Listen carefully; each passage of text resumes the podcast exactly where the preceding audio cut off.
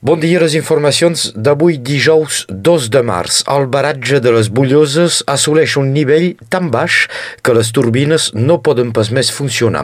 Ahir dimecres, la XEM, Societat Hidroelèctrica, va parar la producció per la manca d'aigua.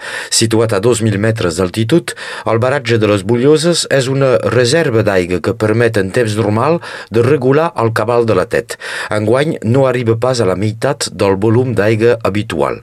Més a baix, el baratge de Vinçà també té un nivell històricament baix.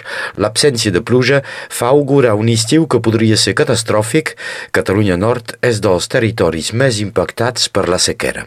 La PLEC, Associació per l'Ensenyament del Català, alerta de la possible supressió d'un lloc de professor de català al Liceu de Prada. Segons la PLEC, la mesura és incomprensible i incoherent, ja que el nombre d'hores de català i d'història-geografia justifica el manteniment del professor al Liceu Renouvier del Conflent.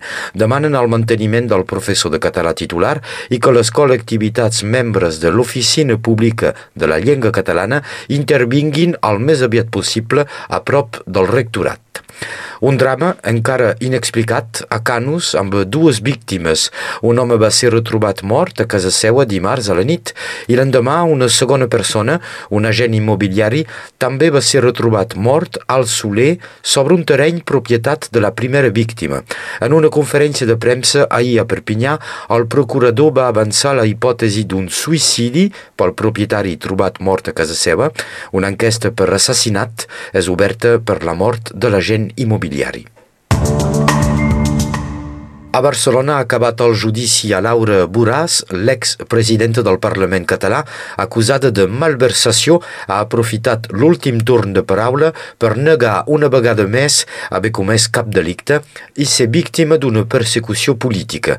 Laura Borràs ha recordat que se la jutja per l'atribució de 18 contractes menors per feines diferents sobre els 4.000 que es van adjudicar quan era al cap de la institució de les lletres catalanes. Durant el judici, els dos coacusats del cas han pactat una rebaixa de penes a canvi del reconeixement dels fets. Laura Boràs arrisca una pena de 6 anys de presó i 21 anys d'inhabilitació. Un parell d'informacions per acabar. En literatura, l'escriptor valencià Josep Piera ha rebut el 55è Premi d'Honor de les Lletres Catalanes que concedeix Òmnium Cultural. Poeta, narrador, assagista, articulista i traductor, Josep Piera és també un gran defensor de la llengua catalana al País Valencià. Ha tocat una gran varietat de gèneres literaris, poesia, novel·la, assaig, biografies i durant els anys 80 i 90 la seva obra va tenir força repercussió. Josep Piera ja va guanyar el Premi Carles Riba de Poesia i el Josep Pla de Prosa. Rebrà el guardó en una cerimònia que tindrà lloc el pròxim mes de juny. I en esports, en rugby a 13, la infermeria dels dracs catalans se buida a poc a poc. Cinc jugadors tornen a la llista pel pròxim partit. Tokeyao, McMikin, Tyrone May, Manu Mau i Adam Kiran podran jugar contra el FC demà divendres. En canvi, Sam Tompkins i Mitchell Pierce seran absents, cosa que permetrà als joves Arthur Morga i César Roger de conduir el joc de l'equip. Radio Arels transmetrà el partit entre Dracs Catalans i el FC en directe demà a les 7 gràcies al patrocini de la Plataforma per la Llengua.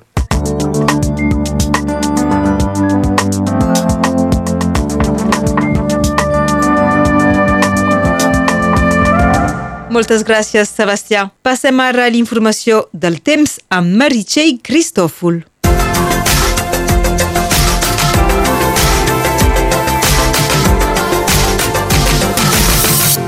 Bon dia. La situació meteorològica no canvia gaire. Aquesta tarda, núvols de tipus alt i mitjenc faran la seva aparició i haurien de ser abundants.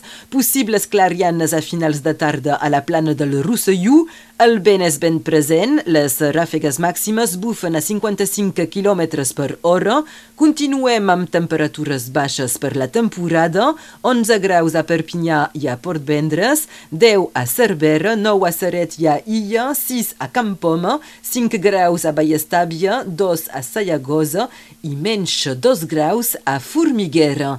Aquesta tarda el sol es pondrà a les 6 hores i 39 minuts i avui celebrem Sant Carles.